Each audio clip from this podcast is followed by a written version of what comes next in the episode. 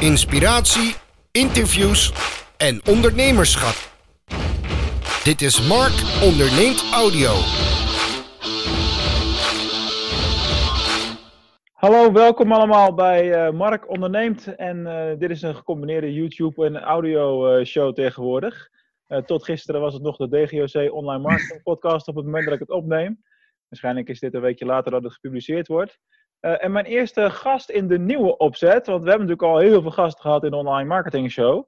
Uh, maar daar liepen we er continu tegenaan dat we niet alleen over online marketing wilden praten, maar ook over ondernemerschap en andere zaken.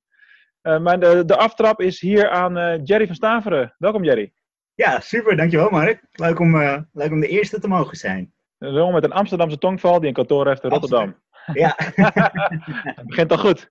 En om de wonderen zijn de wereld nog niet uit, hè? Nee, precies. We hoeven niet allemaal in oorlog met elkaar te leven en dat soort onzin. Nee, precies. precies. Hey, vertel voor de mensen die jou nog niet uh, kennen, eerst eens even iets over jezelf uh, en wat je doet. En uh, hoe jouw reis een beetje is verlopen, zeg maar. Hoe mijn reis een beetje is verlopen. Dan, dan gaat het een lange uitzending worden, hoor. Maar ik zal, me, ik zal mijn best doen om het zo kort, kort, mogelijk, kort mogelijk toe te lichten. Um, ja, ik ben eigenlijk vanaf mijn 15e, 16e echt het salesvak ingerold. Dat vond ik altijd uh, machtig interessant. Ik, ik, keek altijd films als ja, de welbekende Glengarry, Glen Ross en Wall Street en dat soort, uh, dat soort films. Daardoor was echt mijn nieuwsgierigheid zeg maar, gewekt. Zeker in het saleswereldje, het verkopen en de mannen in de pakken. Dus dat zag ik helemaal zitten. Dus terwijl al mijn klasgenootjes vakken gingen vullen bij de Albert Heijn en dat soort dingen, dat zag ik dat niet zitten. Ik denk, ik ga verkoper worden. Dus ben ik ook inderdaad op mijn vijftiende ben ik echt begonnen bij, een, uh, bij ja, echt zo'n soort callcenter uh, setting. Dus met een headsetje op en bellen, bellen, bellen de hele dag. Ja, ja, ja. Dat was echt mijn, uh, mijn start. Um, toen, ja, eigenlijk had ik het, was ik gelijk daar een vis in het water. Dus ook mijn vervolgstudie was echt, ja, commerciële economie had er ook weer echt mee te maken. Echt weer groeien, ontplooien. Um, daarin afgestudeerd. En toen was het rond mijn 23e was het tijd voor de echte eerste fulltime baan. Ja, toen was ik eigenlijk een beetje die utopie waar elke werkgever momenteel naar op zoek is. Weet je, 23 jaar met, met 8 jaar relevante werkervaring. ja, precies. Dus wat dat betreft was dat uh, wel mijn geluk geweest. Want je had, je had dan toch een streepje voor met je, met je leeftijdsgenoten. Uh, toen ben ik uh, aangenomen eerst als uh, accountmanager bij Riet Elsevier. Ik zat een ja, Elsevier heb je de uitgeeftak en de ja, wat meer internetgerelateerde tak met wat de Riet business kant is. Welke locatie zat jij? Ik zat bij Sloterdijk. Oké. Die toren. Het een hele hoge toren, 23 verdiepingen. Ja, maar ik zat in die, in die tijd waar jij over praat, zat ik nog in Doetinchem. En uh, Riet Elsevier waren ongeveer onze buren. Ja, ja, ze hebben veel vestigingen inderdaad. Ik weet ja, dat daarom vraag ik het ook. Uh, Utrecht zit er ook nog eentje. Ik zat echt, ja, dat hoor je ook wel in de tongval. Ik zat echt in Amsterdam. Ja, ik dacht dan niet dat je in de Achterhoek was geweest, nee. ja. um, ja, zoals gezegd, daar uh, begonnen als accountmanager met een, uh, bij een nieuwe tak. Daar was ook geen referentiekader voor. Dat was echt zeg maar een pilot vanuit Engeland. Nederlandse markt, Engelse markt lijken heel erg op elkaar. Dus het was echt zoiets van, nou, jullie mogen het spits afbijten, jullie mogen het proberen. En als het werkt, dan gaan we het hier in Engeland ook uitrollen. Uh, dus we waren echt begonnen met een heel klein team. Er was geen referentiekader, was helemaal niks, geen regels zeg maar. Het was gewoon gaan en gaan we omzet doen. Uh, er was wel een target voor neergezet. Van nou, als we het eerste jaar dit doen, dan is het succesvol, dan gaan we het doorzetten. Nou, de target hadden we volgens mij met z'n achter al binnen een half jaar gerealiseerd. Dus dat was, ja, op een gegeven moment, ging echt als een raketje. Dus dat was echt naar, heb daar drie, vier jaar gezeten. En toen ik wegging, zaten we denk ik echt op 40, 50 man.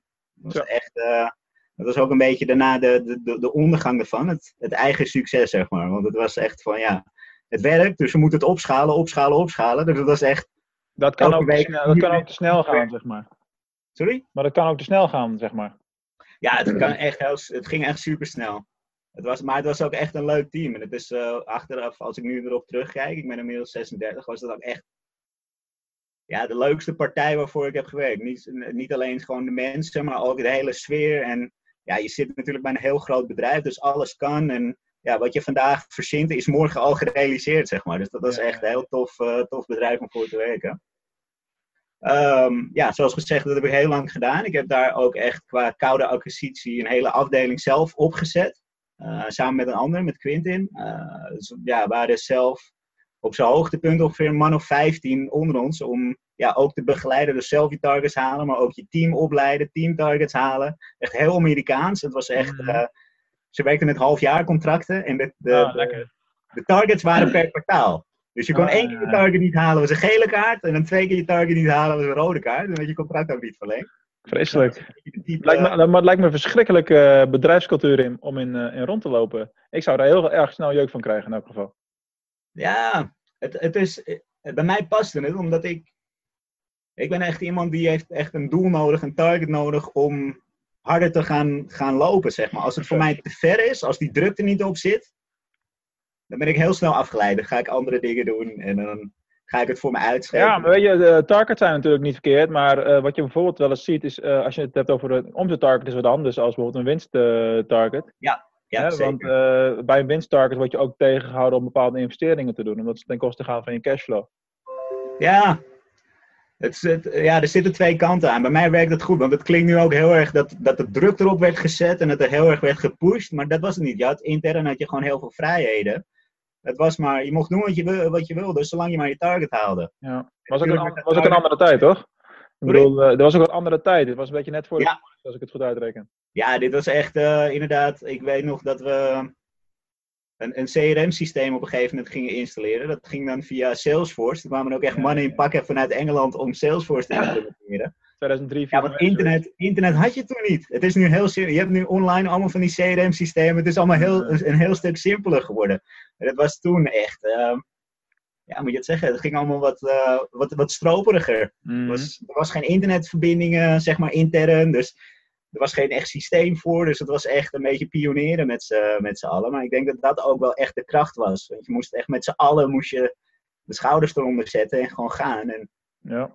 ja, als ik dan terugkijk, het, ik, ik klink dan wel heel oud, maar ja, ik ben 36, dus ik zit al 20 jaar zeg maar in het vak. Ja, als ik het vergelijk met hoe het vroeger ging en hoe het nu gaat, wat je allemaal voor mogelijkheden hebt, ja, dat is een wereld van verschil. Ik had jou echt geen 36 gegeven, want ik denk dat ik mijn volgende Ja. vraag moet schrappen nou.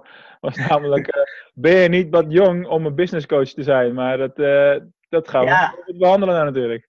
Nee, precies, precies. Nou, ik heb nog wel uit die tijd heb ik allemaal grijze haren. Ik weet niet of je dat goed op de webcam kan zien, maar Ja, ik heb ze ook wel, maar bij mij zie je dat natuurlijk niet. nee.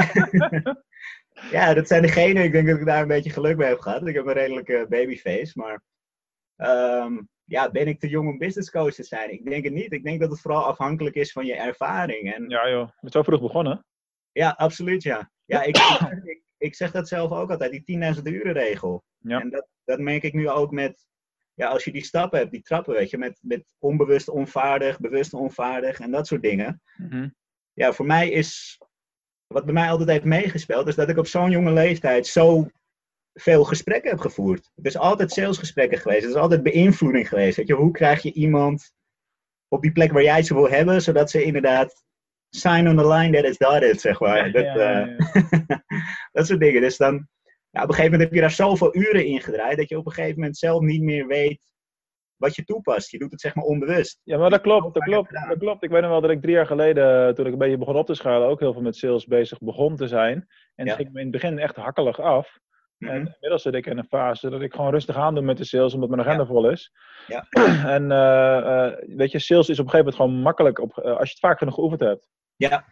Ja, maar dat is met alles. Ook bijvoorbeeld met spreken voor een groot publiek. Mhm. Als ik het hoor, ik vind, ik vind het bijvoorbeeld heerlijk om voor een groot publiek zeg maar, te, daar, ja, het podium te pakken en te spreken. En gewoon ervaringen te delen en ervaringen uit het publiek te halen. Ja, en als ik dat tegen sommige cliënten van me vertel, van ja, ik heb volgende week ga ik weer een lezing geven. Ja, die zie je echt, Oh, ja, ja, ja. man, dat je dat doet. Het lijkt me verschrikkelijk om voor zoveel mensen te staan. Terwijl, ja, ik vind dit is, ja, ehm, voor een camera, zeg maar, en dan opgenomen worden, dat vind ik veel erger. Zet mij maar voor een groep mensen. Ja, dat wordt dan niet zo snel opgeslagen. Als je daar een fuck-up hebt, dan eh, blijft het niet Ja. behoord. nee, maar dat, dat is ook weer inderdaad dat doel en dat target hebben en die druk zeg maar, erop hebben. Dan, dan kan ik presteren zeg maar, voor die groep. Dan Maar gaat het bij mij eigenlijk nooit fout. Maar er is wel een omslagpunt eh, in, in groepen qua eh, grootte, vind ik althans, van wat, hoe je het ervaart. Bijvoorbeeld eh, groepen tot 50 man heb je nog heel veel persoonlijk contact en interactie. Daarboven wordt dat al moeilijker. En na de 100 zit echt een omslagpunt. Ik heb eh één keer voor een groep van 120 man eh, gestaan. En dat maakte geen verschil. En ik heb één keer, dat was drie minuten of zo, stond ik op een podium bij een spreker die mensen uit het publiek voor iets moest hebben. Ja. En, dat, was, dat waren 5000 man. En. Ik, pro- ik probeerde op het podium bewust te ervaren hoe is het, stel dat ik ooit op dat punt ben dat ik daar eh, zou mogen spreken. En eh, het maakte gewoon geen verschil. Weet je, je hebt die lamp in je ogen en eh, je hebt een Ja. groot publiek voor je neus. En Ja. of het er nou de 200 zijn of, of Ja. 5000, blijkbaar maakt dat niet meer uit qua beleving. Nee. Dat is wel interessant. Om Nou ja, ik merkte wel met bepaalde. Door schade en schande wordt men wijs, zeggen ze ook wel. Ik, ik, ik vind interactie heel belangrijk. Dat Ja. je het dan echt persoonlijk maakt. En omdat het dan veel beter binnenkomt bij het publiek. Want wat dat betreft, als spreker of als trainer, zeker als je een workshop geeft, de statistieken spreken je gewoon tegen. Je weet gewoon van ja, 4% gaat er maar echt mee aan de slag. Dat is echt een deprimerend getal, man. Ja, absoluut. absoluut. En daar word ik heel erg gefrustreerd van. Dus ik weet gewoon van ja, als ik echt die interactie opzoek en ik ga echt die pijnpunten zeg maar uit het publiek pakken, Ja. dan gaat het percentage al een heel stuk meer omhoog. Dan gaan mensen wat meer ermee aan de slag, omdat ze er echt ja, die connectie ermee kunnen maken, dat gevoel hebben. In plaats van dat jij op het podium alleen maar loopt te spuien, zeg maar, loopt te zenden. Alleen heb ik dus, e- dus één keer inderdaad ook de fout gemaakt, want het is een belangrijk facet tijdens mijn workshops, tijdens mijn lezingen, om die interactie op te zoeken en die cases zeg maar uit het publiek te trekken. Alleen je doet aan het einde doe je ook vaak gewoon een Q&A. Van ja, zijn er nog vragen? Zijn er nog dingen die je wil, eh, uitgelegd wil hebben? Alleen heb ik dat dus toen ook gedaan voor een zaal van 200 man. En toen was inderdaad, mijn lezing duurde ongeveer drie kwartier. Toen deed ik een Q&A en die duurde ongeveer anderhalf uur. Dus dat, ja, dat is alleen maar beter. ja, maar het was achteraf dat je ook dacht van ja, hmm, misschien was het niet zo heel handig. Ja, misschien je ook de Q&A-tijd gewoon eh, verlengen of gewoon een max erop zetten, weet je wel. Ja, precies. Nu een laatste vraag. Maar ja, het was wel heel leuk. En het is ook heel leuk dat het, dat het publiek enthousiast is en dat mensen echt gaan vragen. Dus dat, Zeker. ja, dat is wel iets wat echt inderdaad energie geeft. Dat vind ik ook een belangrijke graadmeter. Dat je het podium verlaat met meer energie als dat je erop kwam, zeg maar. Ja, joh, echt wel. Alleen, ja, ik merkte wel met inderdaad drie kwartier spreken en dan anderhalf uur vragen eh, beantwoorden, dat ik daarna wel echt redelijk leeg was. Eh, Ja, kan ik me wel iets voorstellen. Ja, toch? dat was Hey. een momentje. Hey, laten we even wat eh, sales dingen in, induiken, want dat is natuurlijk echt jouw vak. Mhm. Wat mij opvalt, is dat de meeste verkopers gewoon echt ongelooflijk slecht zijn in sales. Hoe kan dat?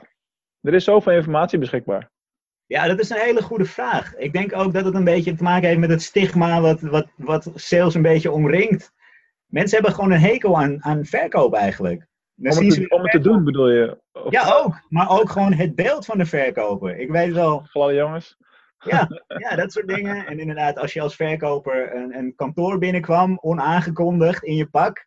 Ja, dan zag je al die, die, die, die vrouw achter de balie, zag je al zo'n beetje wegduiken. Nee, ga jij maar weer weg. Ja, daar hebben we er weer één. Dan was de vraag altijd, Ja. heb je een afspraak? Dan dat soort dingen. Het is... Ja, het lijkt wel of- alsof het een beetje als een negatief woord wordt ervaren, verkoop. Terwijl verkoop is echt onmisbaar voor jou als ondernemer. Je hebt geen bestaansrecht zonder verkoop, klaar. Ik vind Don Pepper, die zegt het heel mooi. Die zegt, zonder klanten en zonder verkoop heb je geen onderneming, maar heb je gewoon een hobby. Ja, ja dat, dat is het. Ja.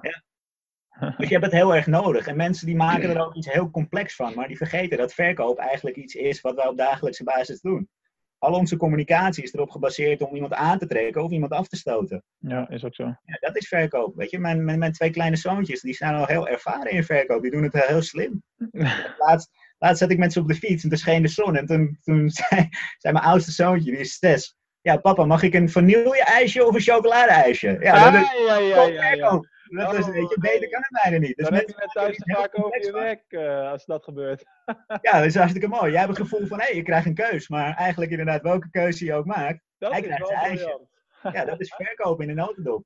En dat, ja, dat vergeten heel veel mensen. Heel veel mensen denken dat verkopen is van, ik, ik ga jou opbellen. Ik ken jou nog niet, Mark. Ik ga je opbellen en dan ga ik vertellen dat ik een geweldige aanbieding voor je heb. En als ik de prijs daarvan maar laag genoeg maak, dan ben jij overtuigd om dat te gaan nemen. Ja, zo werkt verkoop absoluut helemaal niet. Ik- het is toch het beeld wat heel veel mensen ervan hebben. En hoe dat precies is ontstaan en hoe dat komt, ja, dat durf ik je echt niet te vertellen. Ik weet het ook niet. eh, ik weet dat de manier waarop ik verkoop is heel erg soft, eh, soft eh, en, en pool. Heel erg ge- gedreven op alle content die ik, die ik maak. En, eh, en alles wat ik publiceer. Ik word vaker op mijn podcast en mijn LinkedIn publicaties aangesproken dan eh, dat ik echt harde sales trajecten heb. Ja. En ja, dat is gewoon hoe het gaat. Ja, ik denk dat dat ook een beetje het verkeerde beeld is. Kijk, de, voordat iemand overtuigd is om echt met jou rond de tafel te gaan zitten. Of inderdaad met jou in gesprek te gaan. Of om een aankoop te doen. Of om een mailtje te sturen. Van, hey Mark, ik wil contact met jou. Ja, er zijn toch wel gemiddeld tussen de 8 en de 20 contactmomenten voor nodig. Ja, en dat weten mensen ook. Mensen denken gelijk dat verkoop ja, het closen op het eerste gesprek is. Nee, dat, dat, dat, klopt niet. Ik, ik, van de week had ik iemand gebeld. En er was, uh, ik was ziek geweest in de tussentijd. Er zat vier weken tussen. En uh, die had ik een offerte gestuurd en uh, was hij gewoon vergeten. Dus ik belde hem op van, oh ja, en dan zei oh ja, daar wilde ik nog wel naar kijken. En dan ga je weer op mijn radar. Ik dacht, oké, okay, dit is contact. Ja. Ik moet even doortellen nou, hè. Ja. ja. Dat, dat werkt toch wel zo. Hey, ik las, een, uh, ik las een, een, blog van jou, dat ging over werk op basis van no cure, no pay. Ja. wat heb je daar tegen? Ik, heb, ja, ik, ik werk er zelf niet graag mee. Um, het wordt je natuurlijk wel vaak aangeboden. En zeker ook als je gaat kijken bij Rotterdam, uh, dat kantoor, er zitten heel veel start-ups. Ja, die hebben gewoon het budget niet. Dus dan is het heel vaak van ja, het idee dat we hebben is geweldig. Als jij ons ondersteunt, dan kunnen we sneller onze ja. omzettargets gaan realiseren. Uh, weet je, dan krijg je een percentage. Uh, dan krijg je nagelang dat wij groeien, groeit jouw fee ook. Ja, ja, ja. Ja, het, het werkt gewoon niet. Het, is, het heeft allemaal te maken met inderdaad de beleving van de mensen en de intentie ook van die mensen, zeg maar. Het is iemand die, zeg maar, jouw dienstverlening, stel dat jij inderdaad iemand helemaal gaat helpen op e-commerce gebied en je doet het op no, no cure, no pay. Ja, de, het hele draagvlak, zeg maar, de, de, de, de voedingsbodem waarop je de samenwerking zet, is dan al helemaal... Scheef. Ja, helemaal scheef. Het is, ja, als iemand al jouw diensten, zeg maar, eigenlijk in het begin in essentie gratis ontvangt, ja, waarom zouden ze daarna nog ervoor gaan betalen? Want ja, de leving is al gratis. Ik snap je punt. Ik doe dat zelf ook nooit op die manier, want ik heb het gewoon niet nodig en genoeg aanvragen. Wat ik nog wel eens wil doen, uh, is omdat het ook gewoon financieel aantrekkelijk kan zijn, is werken op commissiebasis. Ja. Dan, daar moet je allemaal spelregels aan verbinden. Dus als er een webwinkel bij mij is die zegt van nou, ik wil wel uh, op basis van een percentage van de omzet werken. Nou, dan kijk ik wat is het huidige omzetniveau en welk percentage kan ik onderhandelen. Want ik maak wel een percentageafspraak over alle omzet, ook wat we nu al draaien. Ja. Dan weet je ook, en dat kun je altijd nog terugrekenen naar hoeveel uren je ergens in kan, uh, kan ja. per maand. Ja, maar dat is het. Het is ook vertrouwen. En dat is heel veel van de dingen die wij doen, is op basis van vertrouwen. Maar als iemand jou al niet genoeg vertrouwt om jou gewoon een redelijk bedrag te geven, om in jou te investeren, ja, hoe, waarom zouden ze je dan wel genoeg vertrouwen om jouw inzage te geven in de boeken, in de financiën, weet je? Dat is nog, dat is nog trickier in mijn ogen. Dus het, het is, ja, het, het, het lijkt in eerste instantie lijkt het een hele goede manier om samen te werken, waarin je heel veel vertrouwen in elkaar uitspreekt, maar het werkt in mijn optiek juist averechts. Mm. Weet je, het gaat, veel, het gaat een veel grotere klus worden, het gaat veel, ja, het gaat gewoon eigenlijk helemaal anders worden als dat aan het begin jouw intentie is. Het is, weet je, de, iemand inzage geven in de boeken, in de financiën, in het rijlen en zeilen van jouw bedrijf. Ja, daar is veel vertrouwen voor nodig. En dat vertrouwen hebben ze al niet, want ze durven je al niet eens een, een serieus bedrag te geven, weet je, voor jouw werkzaamheden. Voor ja, maar dat is 9 van de 10 keer ook gewoon een gebrek aan cashflow. En als dat er is, dan weet je ook dat, dat jouw facturen later betaald gaan worden. En, en, dat je allerlei andere soorten problemen kan gaan krijgen. En, acht, en acht van de 10 van die nieuwe projecten, die komen toch nooit helemaal van de grond. Nee, ja, het is met heel veel dingen. Het gaat niet over één nacht ijs. Ja, ben jij bereid om jouw tijd daarin te investeren? Ja, precies. Ik vind het juist veel prettiger om gelijk dat hele financiële gedeelte om dat gewoon gelijk af te strepen. Dat je daar gewoon klaar mee bent. En dan kan je ook veel meer richten op de gezamenlijke doelen. Ja. Want heel veel ondernemers zie ik ook nog steeds op uurtje factuurtje werken. Maar ja, dan krijg je eigenlijk een soortzelfde constructie. Dan gaan mensen, weet je, dat, je, je werkt voor een bepaald bedrag per uur. Dus je focus ligt op de financiën. En dan gaat het bedrijf of jouw werkgever of jouw opdrachtgever gaat zich daar ook op focussen. Mhm. Ja, die weet ook van ja, in de zomer gaat het rustiger worden. In de zomer moet ik op vakantie. Dus laten we jou in de zomer maar niet zoveel inhuren. Weet je, dus er, er wordt continu geschakeld op het financiële gedeelte. Terwijl als, jij, als wij nu zeg maar samen gaan zitten en ik besluit met jou in C te gaan en zeggen van oké, Mark, ik wil graag uh, dat jij mijn e-commerce onder handen neemt en ik wil graag dat mijn, uh, van mijn webshop dat de, de, de, verkopen verdubbelen over een jaar. Dat de verkoop over een jaar verdubbeld is. Nou, als jij dan zegt van nou, oké, dat kunnen we realiseren. We gaan een twaalf maanden met elkaar samenwerken. Aan het eind van de rit is jouw omzet verdubbeld. Het kost jou dit. Dit is de investering daarvoor. Weet je, dan is er ook gelijk duidelijkheid. Oh, en dan ga je nooit meer het gezeur hebben over hoeveel uren investeer je, wanneer doe je het. Want je, je spreekt dan ook je vertrouwen in elkaar uit. Van oké, Mark, ik vertrouw dat jij die doelen gaat stellen en ik vertrouw dat ik mijn geld goed investeer in jou. Oké, laten we even een fictief uh, situatie nemen, want dit is natuurlijk super interessant. Uh, kijk, ik zit een beetje daartussenin in een mix. Ik verkoop mijn diensten nog, nog op basis van uren. Ja. Uh, en ik heb het zo gedaan dat het super transparant is, want alles is per maand. Bij mij is het wel een abonnement, dus het is niet zo dat je ene maand meer ja. of minder. Dat is heel constant. Ja. en ik laat elke maand aan die klanten zien wat we hebben gedaan in die tijd en, en, hoeveel tijd het gekost, dat soort zaken. Dat is super transparant, hè? In een video elke keer, dus dat is helemaal dus in Jip en Janneke taal dat ze ook begrijpen wat we doen. Want dat is ook vaak bij ons vak een dingetje. Van wat doen we eigenlijk? Zeker. Uh, stel nou dat je dat vertaalt naar een pakket. En uh, je, je, je rekent een, uh, laten we zeggen, je doet zo'n traject. En je vraagt 10.000 euro voor een jaar, fixed fee. Ik noem maar wat. Mm -hmm. dan hoef je geen uren meer te verantwoorden. Nee. Maar wat gebeurt er op het moment dat jij die doelen niet haalt of niet dreigt te gaan halen? Krijg je, wat voor discussies krijg je dan met je klant? Ja, kijk, bij mij is dat, in, in mijn markt is dat natuurlijk ook lastig, omdat ik, ik ben meer een consultant. Dus ik, ik adviseer jou en ik vertel jou, zeg maar, welke stappen je kan nemen. Ja. Um, alleen, jij moet zelf daadwerkelijk ook die stappen gaan zetten. Ja, maar dan, dan, maar dan leg je de verantwoordelijkheid al bij je klant zelf neer. En dat is, dat is denk ik de sleutel. Ja, ja. Hè? Want ja, dat is een groot is... verschil tussen, tussen jouw werk en, uh, en wat ik doe. Is, ik, wij doen advies en uitvoering. Dan wordt ook heel vaak gevraagd. Ja, kijk, bij uitvoering is het natuurlijk een ander, een ander verhaal. Um, kijk, bij mij is het inderdaad puur consultancy, is puur advies. Ja. En het is ook, ik zeg ook altijd, wat je erin stopt, is wat je eruit haalt. Ja, ja, als jij inderdaad, ja, als jij 10% van je tijd maar gaat investeren in wat wij hebben afgesproken, ja, dan gaan de resultaten ook maar 10% daarvan zijn. Ja, zo simpel is het. En, zo simpel is het. Ja, ik heb, ik heb ook nooit zin om als politieagentje op te treden. Of om te kijken van als een soort schoolleraar of schooljuf van ja, heb jij je huiswerk wel gemaakt? Ik ga ervan uit, als wij inderdaad afspraak maken van oké, over vier weken zitten we weer samen. Voor de aankomende vier weken ga jij dit, dit en dit doen. Uh, ik geef jou daar bijvoorbeeld een, een, een, een uh, whitepaper voor met waar alle stappen in staan die je moet gaan zetten. Ja, dan verwacht ik wel dat je dat ook gaat uitvoeren. Nou, ik heb, ook, ik heb ook een aantal van dat soort trajecten lopen wat jij nu omschrijft, waarbij ik eigenlijk meer optreed als een coach. Ja. Hè? Dus ook wat jij een beetje meer doet. En ik moet wel zeggen dat dat, uh, want dan heb je gewoon niet een x aantal uren, maar dan spreek je gewoon af dat je drie keer een uh, x-periode ja. skypt of wat dan ook. Ja. Uh, maar het werkt op de een of andere manier wel, want jij bent eigenlijk die stok achter de deur voor hun. Ja. En, je, je betaalt, moet... en je betaalt er flink voor, dus dan zijn ze ook gemotiveerd om. Ja, exact. Te komen. Huh? Ja, dat is het ook. Dat, maar dat is exact wat het is. Kijk, dit is ook met een personal trainer. En het is ook. Ja. Ja. zeker, zeker zeg maar met mijn achtergrond en dat soort dingen. Mensen verwachten dat ik een of andere magische toverformules bezit. Ja, dat, weet je, veel van de dingen die ik bespreek en die ik met iemand, met iemand deel, dat zijn dingen die ze al ooit eens een keer hebben geprobeerd, of die ze ooit al een keer ergens hebben gezien of gelezen, ja. maar dan echt halfbakken hebben ingezet. Ja, er is een verschil tussen iets doen en iets goed doen. Mm. En dat is, ja, dat, dat, dat vind ik ook zo apart. Van, ik, ik ondersteun ze eigenlijk. Je, ja, ik zeg ook altijd tegen mijn cliënten van zie mij meer als een soort personal trainer. Kijk, mm. jij kan ook nu naar de sportschool staan, uh, gaan op, op eigen huidje, houtje. En dan staan er een aantal apparaten. Ja, daar kan je inderdaad aan gaan aan die ijzers gaan trekken. En dan hopen dat jij voor de zomer een goed lijf hebt, uh, hebt gerealiseerd. Ja. Of je kan inderdaad met een personal trainer gaan werken, waarbij je exact dezelfde apparaten gebruikt. Alleen dat is wel iemand die inderdaad jouw stok achter de deur is. Dus als jij even geen zin hebt, of je voelt je even niet lekker, ja, dan heb je toch een x bedrag betaald voor die personal trainer. Dus de kans dat jij gaat, is vele malen hoger. En ook Ja, de resultaten die jij boekt, Ja.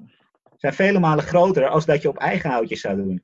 En dat, dat is zeg maar meer in essentie wat ik ook doe. ja, precies. Kijk, ga ik magische recepten met je delen? Ja, waarschijnlijk niet. Waarschijnlijk ken je veel van de dingen, ken je al. Dat, maar weet je, de meeste mensen zijn gewoon op zoek naar een shortcut en naar eh, hè, het volgende trucje en de makkelijke manier. En eh, Ja. de realiteit is dat dat gewoon bijna nooit eh, werkt. Hey, ehm, op persoonlijke ontwikkeling en dat soort zaken. Ehm, ik ben nu bijvoorbeeld een boek aan het lezen, de nieuwste van Gary Vee, Crushing It. Ja? Welk boek ben jij nu aan het lezen? Wie, wat was ik nou aan het lezen? Ik lees nu zeg maar een paar boeken door elkaar. Want ik heb ook vaak zeg maar net welk, wat voor gevoel. Dat ik denk van, oh ja, dat moet ik weer even teruglezen. En dat, ik lees altijd alles zeg maar een beetje rommelig door elkaar. Eh, het laatste boek wat ik heb gelezen is Flow. Flow van Michael. Hele moeilijke Russische achternaam. Maar dat gaat dus over inderdaad in een staat van flow komen. Dat vind ik echt super interessant. Oké, cool. Dat ken ik niet. Moet je mij even een linkje doorsturen. Altijd interessant. Ja. Ja, is echt een heel cool boek. Hij heeft zeg maar echt inderdaad onderzocht van, ja, is... Weet je, iedereen kent het wel, dat je er lekker in zit en dat het als vanzelf lijkt te gaan. En je, je verliest helemaal, zeg maar, de, de, de notie van tijd. En weet je, Ja. het, het vloeit gewoon echt lekker. Dat is dan dus echt inderdaad in de flow, in die state van flow zitten. Oh, dat gevoel is wel lekker, ja. Ja, hij, hij vraagt zich ook echt af van, ja, is dat iets wat je onbewust zeg maar bereikt? Of kan je dat ook creëren? Kan je dat ook bewust opzoeken, dat je in die staat komt? En dat blijkt het dus ook echt te zijn. Nou, die vraag heb ik maar nooit gesteld, maar dat is wel super interessant. Ja, het is, het is echt super handig. En je, je, ja, gewoon qua productiviteit en qua focus en dat soort dingen, weet je, werkt dat gewoon echt super prettig. En ik gebruik dat zelf heel veel, bijvoorbeeld als ik blogartikelen schrijf. Omdat, ik, werk nog, ik weet nog aan het begin, drie jaar geleden, dat ik begon met bloggen. Ja, daar was ik gewoon echt een dag zoet mee, joh. Dan was ik zes één uur, blog. Ja, was ik echt zes uur aan het tikken en dan liet ik het iemand nakijken en dan ging ik er reageren en dan ging ik weer strepen en dan ging ik weer kijken van ja, is het de juiste keywords? Te perfect, te perfectionistisch dan. Zo. Ja, echt. Loslaten en veel content. eh, Ja, lang proces. Ja, maar ik merkte ook op een gegeven moment, ik heb ook wel eens een keer een copywriter een stuk laten schrijven. Want dat zeggen heel veel mensen. Ik maak heel veel D, T en DT fouten en dat soort dingen, weet de je meeste wel. mensen zien dat toch niet. Nou, ik krijg best wel redelijk veel eh, taalnaties eh, in mijn nek altijd daarover. Het is wel grappig. want- Misschien iets over de groep mensen die jou volgt en wat jouw doelgroep is. Ja. nou ja, het is. Ik merk altijd, ik doe ook heel veel gastartikelen nu schrijven. Ehm, dan, dan, dan spreek ik weer een nieuwe doelgroep aan. En zeker zeg maar de laatste waarbij ik dan zit. Ja, dat, dat zijn artikelen die worden echt 30, 20, 30.000 keer gelezen. Ja, dan, dan krijg je gelijk weer mailtjes van ja, er staat. Je hebt ten alle tijden geschreven, maar het is te alle tijden. Weet je, dat soort, dat soort dingen krijg je dan altijd in reacties. Echt, daar krijg, krijg ik een beetje jeuk van, van dat soort Ja, dingen. Ja, ik heb er zelf ook weinig mee. Kijk, ik heb, ik heb een HBO-diploma, ik heb altijd wel goede cijfers gehaald op school. Dus, maar gewoon op een of andere manier. En ze zeggen dat het ook te maken heeft met de analytische en de creatieve kant van je brein. Ja? Als jij echt vanuit je passie aan het schrijven bent, dus vanuit je gevoel aan het schrijven bent, dan zit je in je, in je creatieve kant. Ja, Alleen je taalcentrum en je logica zit weer aan de andere kant. Dus dan ben je lekker aan het tikken. Ja, en dan ben je eigenlijk niet meer bezig met, klopt dit? Heb ik het wel in de juiste tijd eh, gezet? Moet er nog misschien een T achter? Ja, daar ben ik helemaal niet meer bij. Ik ben gewoon lekker aan het tikken. Hey, waarom doe je het niet gewoon, eh, want eh jij hebt ook een YouTube-kanaal, daar kom ik zo even op. Ja.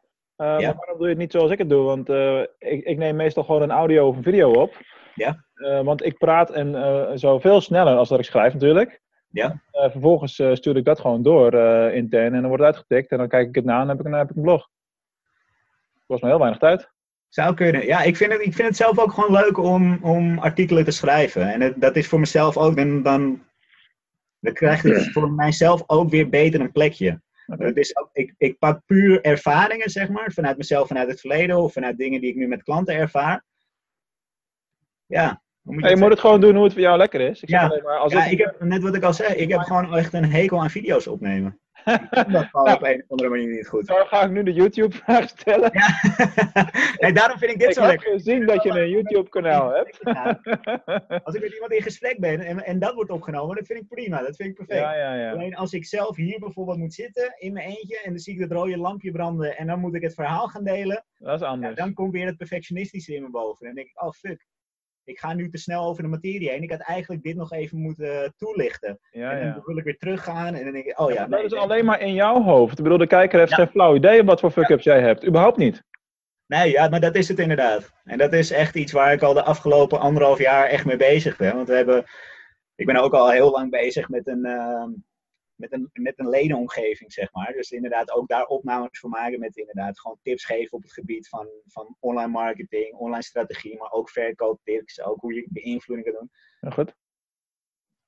Superleuk en inderdaad geweldig idee. Alleen als je mij inderdaad voor een camera zet, dan krijg ik dat dus. Ik ben, ik ben meer van het spontane. Dus inderdaad een case pakken uit het publiek en dat behandelen. En dan, komt Ja, ja. Het, dan vloeit het bij mij ook veel lekkerder.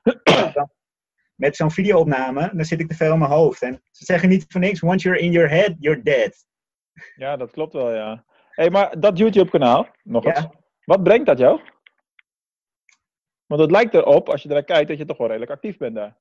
Ja, ik, ik probeer zeg maar wel multimediaal in te zetten. Dus het is ook zoals dit. Als wij nu een gesprek hebben, ja, neem ik het op. En als ik iets bruikbaars erin zie, dan, dan knip ik het en dan zet ik het online. En dat is ook ja, gewoon op verschillende manieren. Het is ook hoe ik mijn, mijn podcast 9 van de 10 keer opneem. Het is gewoon een Skype gesprek. Ja, ik neem dat op. ik maak er een audiobestand van. Nou, dan heb ik mijn podcastaflevering. Maar ja, dan zet ik het ook vaak online op YouTube. Dus dan gebruik je content, zeg maar, op verschillende kanalen. Dus is zeg maar één gesprek en die kan je op meerdere manieren inzetten. En dat dat, is, dat is natuurlijk exact wat wij nu ook doen. Ja. Ja, toch? Ja. Hey, eh, als je kijkt naar de aantallen kijkers van eh, eh, jouw video's, andermans video's, het valt me op Ja. dat het alle kanten op vliegt. Hè? De Ja. ene video wordt bij wijze van spreken tien keer Ja. bekeken en de andere een paar honderd keer. exact Wat zeggen die aantallen jou? niks. Niks. En het is net zoals met blogartikelen. Het is, mensen vergeten, het internet is ten alle tijde een momentopname. Mhm. Mensen die willen maar heel graag dat, dat hun bezoekers, hun volgers exact hetzelfde gedrag vertonen. Dus wordt jouw blogartikel deze week 100 keer gelezen, Ja. dan wil je ook dat die volgende week 100 keer wordt gelezen. En alles Mm. minder dan 100 voelt als verlies. En dat is juist waar de meeste ondernemers op stuk lopen. Ja. Juist die verwachting die ze hebben. Terwijl, als je kijkt naar jezelf, ja, wanneer zit jij op een kanaal als Facebook? Wanneer zit jij op LinkedIn te kijken? Het is vaak even snel tussen de bedrijven door. Ja. Weet je wel? En het is. Ja, de meeste mensen die, zitten, die staan inderdaad in de rij bij de kassa bij de Albert Heijn. En die kijken dan even snel op hun Facebook. Hé, hey, Jerry heeft een artikel geschreven. Laat ik even kijken. ja, en dan lees je het toch niet helemaal, maar een beetje. Nee, zo. exact. Dus maar het je bent altijd- even in beeld geweest. Ja, ja.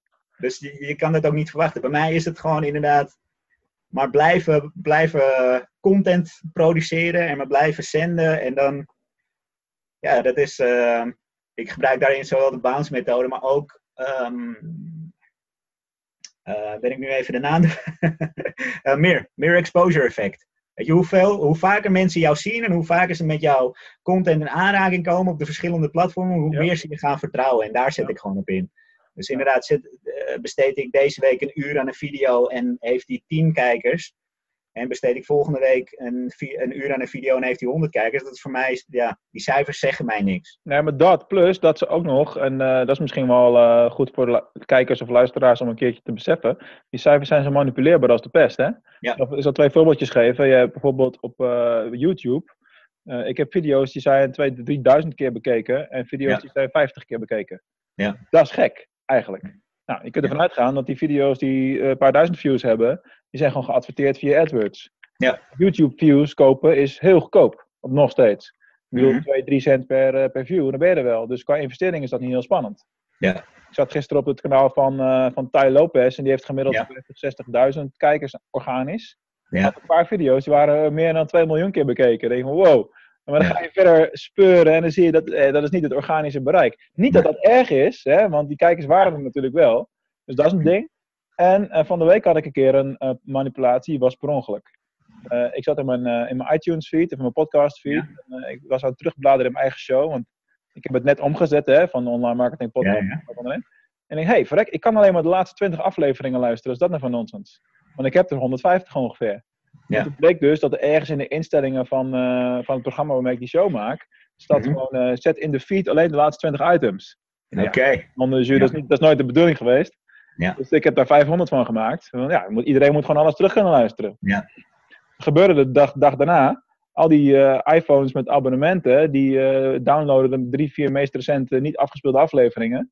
Die dit is, die heeft eh, x downloads eh, gedaan. Ja. Dus in één keer een enorme piek in het aantal eh Ja. podcastluisteraars, terwijl het nergens op slaat natuurlijk. Ja. Dus dat is manipuleerbaar, hè? zowel adverteren als, als per ongeluk. Er zijn allerlei, eh, Ja. ja. allerlei dingen waar je, eh, Ja, daarom. wa- waardoor Kijk, cijfers niet altijd wat zeggen. Je moet cijfers altijd op Nee. waarde proberen te schatten. Nee, kijk, het, het is natuurlijk wel. Ik zeg ook altijd van verkopen doe je op gevoel en groeien doe je op basis van de data, van de cijfers. Alleen je moet wel de juiste cijfers daarvoor gebruiken. Want het is Ja. inderdaad wat jij zegt. Weet je, zeker, bij YouTube vind ik het dan nog meevallen. Maar als je bijvoorbeeld een kanaal als Instagram neemt. Man, als je het over manipulatie hebt, dat is echt ja, en al manipulatie. Dat is allemaal schijn, allemaal ja, nep, eh, zeg maar, wat zich daarop afspeelt. Ja, en dan, kan, dan is het natuurlijk wel heel stoer dat jij 10.000 volgers hebt op je Instagram-account. Mm.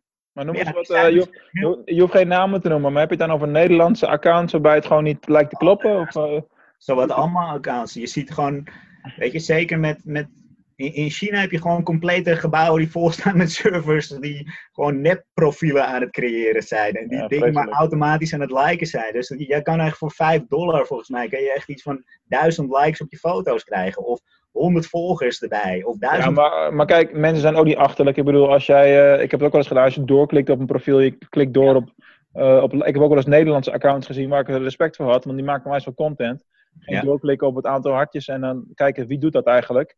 En Ja. was 90% was buitenlands en het Nederlandse content, dus dat kan niet. Nee, maar dat- dan, ben je, dan ben ik klaar met zo'n account, weet je wel? Ja, het is gewoon niet authentiek en het, het, het wekt geen vertrouwen. Alleen je ziet wel dat, ja, moet je dat zeggen? Die, die, die, die, die eerste beleving die mensen hebben, zeker omdat die aandachtspannen van mensen tegenwoordig zo laag is dat ze niet Ja, meer verder kijken. Dus die zien, hé, hey, Mark die heeft 10.000 Instagram-volgers, ja, die zal wel goed zijn. Maar dan kijken ze bijvoorbeeld niet van, ja, hoeveel engagement heeft hij op zijn foto's, hoeveel Zeker. likes heeft hij op zijn foto. Ja, ja. Dat- Voor mij zit de waarde altijd, zeg maar, onderaan de streep. Dus inderdaad, van wat levert je, het je effectief op? Het is hartstikke leuk dat je inderdaad 10.000 Facebook-volgers hebt. Maar hoeveel omzet heb je gedaan de afgelopen maand? Weet je? Dat vind ik veel interessanter. Ja, inderdaad. Dus eh, allemaal, het is allemaal relatief. Hey, als je kijkt naar, want je hebt onwijs veel projecten inmiddels gedaan. Ja. Wat is nou een project waar je over mag praten, waarvan je zegt, nou, dat was zo tof, dat, daar ben ik ook het meest trots op. Waar ik het meest trots op ben, zo, dat is wel een hele goede, hele goede vraag. Ehm, ja, wat ik gewoon zelf een heel leuk item vind en wat, wat eigenlijk ook echt spontaan is ontstaan. Als je gaat kijken op mijn website van welk initiatief de meeste bezoekers en de meeste respons en de meest leuke reacties zeg maar oproept, dan is het mijn item het netwerkt. Daarin is gewoon echt, de, de, dan, dan pak ik de ondernemers uit mijn persoonlijke netwerk, dus de mensen met wie ik samenwerk, met wie ik heb samengewerkt, die ik gewoon inderdaad zelf ook inspirerend vind. En die laat ik gewoon hun, die geef ik gewoon een platform, die laat ik gewoon hun verhaal vertellen, zeg maar. Cool. Ik heb op dit moment heb ik ongeveer 12.000 bezoekers per maand op mijn website. Dus het is best wel ja, leuk om daarop aanwezig te zijn. En ik vind het ook leuk om gewoon andere invalshoeken te, te laten zien. Dus ik nodig dan ja, ondernemers uit mijn directe netwerk uit om te gewoon te vertellen van nou, wie ben je, weet je, waar ben je tegenaan gelopen, waarom ben je ondernemer geworden? En ik eindig altijd met een stukje inspiratie van ja, eh, wat is de beste tip die je ooit hebt gekregen? En welke tips Ja. zou jij zelf aan ondernemers willen meegeven? Ik krijg daar meer ehm, samenwerkingsverzoeken uit als Ja, zeg maar precies. mijn blogartikelen en allemaal dat soort dingen. Omdat ik, weet je, het is eigenlijk een niet verkoperige manier om jezelf te verkopen. Want ze vertellen ook Exact. Gewoon van ja, eh, weet je, wat voor mij eh, een meerwaarde is geweest, is om met jou samen te werken als business coach. Jij geeft inderdaad een stukje focus, je laat me groeien. En, eh, ja, dat soort dingen. En dat is, weet je, omdat iemand anders dat vertelt, werkt dat voor mij ook weer. Maar ja, dat is dus wel echt ook een project geworden waar ik eigenlijk heel trots op ben. En wat eigenlijk een beetje zijn eigen leven is gaan leiden over de, over de jaren heen. Wat eigenlijk ja, heel spontaan was. Ik dacht van nou, het lijkt me leuk om. Een van de eerste was, was Robert. Ehm, ja, die, die, die woont ook waar ik woon. Ik woon zelf in Monnikendam. Hij woont ook hier. Ja, hij is een personal trainer. Maar die gozer die heeft echt geen grammetje vet. Het is echt een, eh, echt een beest, echt een monster is het.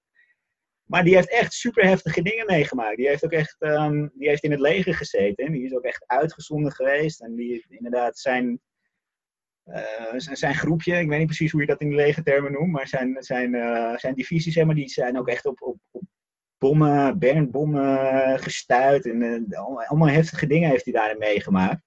Ja, moet je dat zeggen? het is heel makkelijk om je daar zeg maar, neer te leggen en de negatieve kant ervan te zien. Maar hij gebruikt het juist weer op een positieve manier. Hij gebruikt het in zijn coaching om mensen te stimuleren. Om, ja, hij heeft zeg maar echt de zwarte, de zwarte kant van de mensheid gezien, weet je wel. En dat, ja, dat vind ik zelf gewoon een heel mooi verhaal om te delen. Om te laten zien van ja, iets wat zo negatief is, kan eh, zoiets positiefs uitkomen. Want hij is super succesvol in wat hij doet.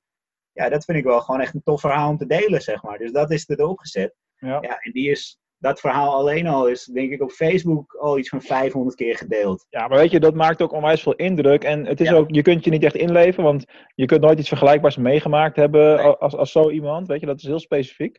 Ja. En eh, ja, ik bedoel, eh, dat zijn alleen maar dingen waar je respect voor kan hebben. Ja, dat, dat vind ik gewoon zelf ook een heel leuk item om mee bezig te zijn. Om Ja. gewoon mensen hun verhaal te laten delen. Want daar zit denk ik ook voor de meeste mensen de connectie in. En dat, dat is ook iets wat ik zeg maar inzet. Omdat bij, dat zal jij denk ik ook ervaren. Heel, eh, mensen hebben niet echt een beeld bij van wat wij nou precies doen. Ja, Maar ja, wat dat doe jij nou de hele dag? Wat is, wat is het nou wat je behandelt? En dat is ook heel moeilijk om uit te leggen. Want Ja. elke situatie is ook weer anders. Dat zal jij ook ervaren. Van ja, elke opdrachtgever heeft eigenlijk zijn eigen specifieke doelen. Ja, dat- doelen en, en, en je moet op heel veel verschillende niveaus ook werken, bijvoorbeeld. Hè. De- bij de ene moet ik echt uitleggen eh, dat Ja. ze een Google-account moeten aanmaken, omdat ik dan pas AdWords kan doen. En bij de andere is het, eh, hoe ver ben jij met de automatisering Ja. van eh, regels en dat soort dingen. Ja, precies. Dus, En dan, is, ja. dan, dan werkt juist zo'n klantverhaal werkt juist heel goed. Dat ze inderdaad laten zien van nou, hier stond ik, hier ben ik doorheen gegaan, ik had hulp hierbij nodig en dit is wat Jerry mij heeft gegeven. Ja, dat is ja, dat is een mooie referentie ook. Super. veel makkelijker. En dat is eigenlijk helemaal niet de intentie geweest van, van het netwerk, maar het is wel zeg maar een mooi bijproduct geworden. Ja, tof man. Daar ben ik wel heel trots op. Hey, volgens mij kan ik nog wel honderd vragen aan je stellen, dus we moeten het maar een keertje herhalen of, eh, Ja. of wat dan ook. Maar eh, ik krijg, je krijgt er nog twee. Ja? En, eh, de eerste is, waar krijg je nou echt energie van? Waar ik echt energie van krijg is als ik zie dat mijn klanten resultaten beginnen te boeken. En dat is ehm, ja, vooral verkoop vind ik dan heel, heel erg interessant. Ik heb zelf, zit ik al zo lang in, in de sales en op een gegeven moment, je wordt, ja, je, je hebt toch een ongewilde stukje gewenning. Als jij je target haalt, de eerste keer is het echt super tof hè? en dan spring je een gat in de lucht. Alleen als jij het al 15 jaar doet, ja, je hebt Dan wordt het Alle bijna targets- gewoon, of wat? ja, je hebt alle targets heb je al wel een keertje gehaald. Alle gesprekken heb je wel een keertje gevoeld. gevoerd. Dus het is continue herhaling. Dus zelf die, die, die kick, zeg maar, die wordt steeds minder, minder, minder, minder, minder. Hmm. Totdat je op een gegeven moment komt op een punt dat je denkt van ja, mijn target moet ik gewoon halen, weet je wel. Dat is meer, Dat ja, ja. ja, meer standaard als dat je, dat, zeg maar, eh, als dat je het zeg maar viert. En dan om te zien van, ik heb heel veel cliënten die bij mij komen omdat ze een bepaalde omzetdoelstelling hebben. Omdat ze zoiets eh, zichzelf voorhouden van, oké, ik heb afgelopen jaar heb ik een ton gedaan en ik wil nu naar twee ton. En die twee ton is iets ongrijpbaars, weet je wel. Ja, ja, ja. Als je dan gewoon letterlijk met ze gaat zitten en hun verkoopgesprek gaat optimaliseren, hun positionering, hun pricing, ja, dan opeens wordt het wel haalbaar. En dat ze dan die gesprekken gaan voeren en zien van, hé, hey, het kan, weet je, het lukt wel. Ik kan wel die hogere prijs vragen. Ik kan wel meer Ja, maar- klanten closen als dat ik aan het begin heb gedaan. Is jouw rol dan echt heel erg, ik bedoel, je, sales is je specialiteit, dus het is eh, daarop gefocust, maar gaat het ook wel eens verder? Want ik kan me voorstellen dat als jij een bedrijf hebt, nou ja, 1 naar 2 ton, weet je, dat is een ding, maar stel dat Ja. je van 2 naar, eh, naar, naar 6 ton gaat in een jaar of zo, dat, Ja. komt, dat komt voor. Mhm. Kom je dan niet ook op hele andere vraagstukken uit op een gegeven moment? In de zin van, oké, wat moet ik doen om die groei überhaupt te faciliteren, om het aan te Ja. kunnen? Ja, dat, dat is. Kijk, wat voor mij altijd de nulmeting is, het startpunt is, is jouw persoonlijke doelstelling. En, heel, en inderdaad, als ze naar mij toe komen en zeggen van oké, ik doe dit jaar 2 ton, ik wil binnen een jaar naar 6 ton, dan wil ik eerst weten waarom dat is. Ja, ja. Wat wil je ermee bereiken? Want er zijn nou eenmaal meerdere wegen die naar Rome leiden. En we moeten gewoon eigenlijk zeg maar de weg vinden die bij jou past. En dat is, weet je, die, die, die 6 ton die staat altijd ergens voor. Ja. En dat kan ja. zijn van ja, dan voel ik me zekerder, dan heb ik een grotere financiële buffer, dus dan kan ik meer tijd eh, aan andere dingen gaan richten.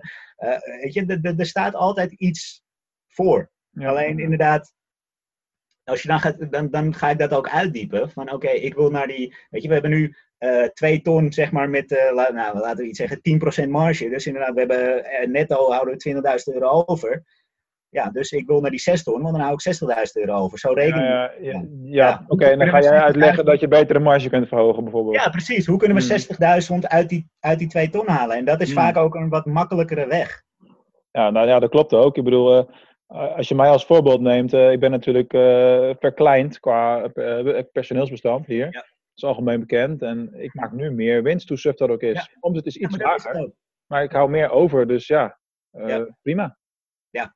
Hoeveel bedrijven hoor je wel niet opscheppen van wij hebben zoveel miljoen gedaan het afgelopen Ja, jaar. het zal me echt worst wezen Ja, of je ik... hebt ook eh, 40 personeelsleden. weet je. Hoe ja, precies. onder de streep? Het maakt me echt niet uit of ik twee of drie ton omzet draai Ja. in een jaar. Dat zal dit jaar eerder naar de twee gaan als naar de drie, eh, waar ik Ja. vandaan kom. Maar eh, ja, bottom line is eh, meer winst. Daar gaat het om. Ja, exact. En dat is het ook. En, en ja, dat is denk ik ook mijn geluk geweest dat ik voor, altijd voor die grote bedrijven heb gewerkt. Mijn targets zijn altijd gigantisch hoog geworden. Ja, en ja. als je dan, dan is jouw, ja, dat noemen ze dan je financiële thermometer, die is gewoon heel anders. Ja, ja, ja. Weet je, dus mensen schrikken als ze dan inderdaad dan. Als ik met ze in gesprek ben met ondernemers, dan durven ze het bijna niet te zeggen. Weet je, die zes ton die krijgen ze dan bijna niet over hun lippen. Want ze Ja, hebben dit ja. jaar twee ton gedaan. Dus zes ton is wel erg. Ja, hoe Ja, dat dat is lijkt wel of ze het stout ja. vinden of zo. Ja, ja, ja, ja. Weet je, die durven het niet. Ja, ik durf het eigenlijk niet te zeggen, maar. En dan denk ik van ja, weet je, de, inderdaad, een van mijn laatste targets toen ik nog voor, werkgever, voor een werkgever werkte, was 4 miljoen. Ja, dan moet ik 4 miljoen doen in een jaar. Ja, weet je, ik word echt niet warm of koud van die 6 ton dan, weet je. Want je weet dat ten alle tijden die omzet en die sales, dat is ten alle tijden maar. Het, het, zijn maar cijfertjes, zeg maar. Het zegt Mhm. niet echt iets. Nee. Het is, net, het is zeg maar je eigen beleving, het is je eigen ervaring, je eigen rugzakje wat je erin meeneemt, wat jij, er, wat, wat jij ervan maakt, zeg maar. Klopt. Daarom vind ik het juist interessant om daarop in te zoomen. Van ja, wat is die zes ton voor jou dan? Wat betekent dat voor jou? En dan ga ik gewoon kijken van ja, hoe kunnen we er versneld naar die specifieke doelen gaan? En dan heb je ook veel meer die intrinsieke motivatie die je nodig hebt om dat traject af te leggen. Maar dan maak je ook andere doelstellingen waarschijnlijk. Weet je wel, niet een omzetdoelstelling, maar een winstdoelstelling bijvoorbeeld. Kan veel interessanter zijn. Het is, Voor ja. zover je daar invloed op hebt. Het is heel divers. En het is, dat vind ik ook het mooie aan wat ik doe. Ik weet nog heel goed dat ik met een. eh, ik had een samenwerking met een, met een dame die heeft een, eh, een taalcentrum. Mhm. En die is super succesvol inderdaad in wat ze doet. Alleen die, die, die vrouw komt nog uit het eh, ouderwetse Rusland, zeg maar. Uit dat gedachtegoed ook. Dus die heeft nog echt die inslag van ja, je moet keihard werken voor je, voor je succes. Je moet keihard werken voor je winst. Maar in de praktijk betekende dat dus dat zij in zeven jaar geen dag vrij had genomen. Letterlijk geen dag. Het is gewoon een vrouwelijke versie van Gary Vee, man. Ja, die blijft wel. Maar ja, Het is gewoon continu werken, werken, werken, opnemen. werken. wij gingen eigenlijk de samenwerking aan van ja, hoe kunnen we zorgen dat ze meer winst gaat bereiken? Want dan, voor haar was dat weer van ja, als ik dat, die omzetdoelstelling heb, dan mag ik wel een keer een, een weekendje vrij nemen, zeg maar. Oh ja. Ja. Zo werkt het niet, weet je. Er is niemand die opeens tegen jou gaat zeggen van ja, je mag twee dagen vrij nemen. Dat moet je toch echt zelf doen. En ja, toen ik dus op een gegeven moment met haar zat, ik merkte gewoon met ehm, dat we die doelstelling zeg maar neerzetten van oké, we willen deze omzet gaan halen, wat is daarvoor nodig? Nou, dan ga je die stappen een beetje uitstippelen. En ik zag bij elke stap, zag zij het weer als van oh, dat is nog meer werkzaamheden erbij, nog meer werkzaamheden erbij. Maar dan gaat zij er ook al vanuit dat ze alles zelf moet doen. Ja, zij wil ook echt alles zelf doen. Zij is, zij is alleen. Ja, oké. Maar Ja, dus je zag- ik zag zeg maar steeds meer- een flexibele schil medewerkers om je heen zitten, toch? Ja, dat zou bijvoorbeeld een optie kunnen zijn. Alleen ja, het, het is, je ziet ook bij heel veel ondernemers dat het echt hun kindje is. En het is heel los, lastig om los te laten. Ja. En wat ik bij haar zeg maar zag, van met die werkzaamheden erbij, die schouders begonnen steeds meer te hangen. Ze ging steeds Ah. meer te.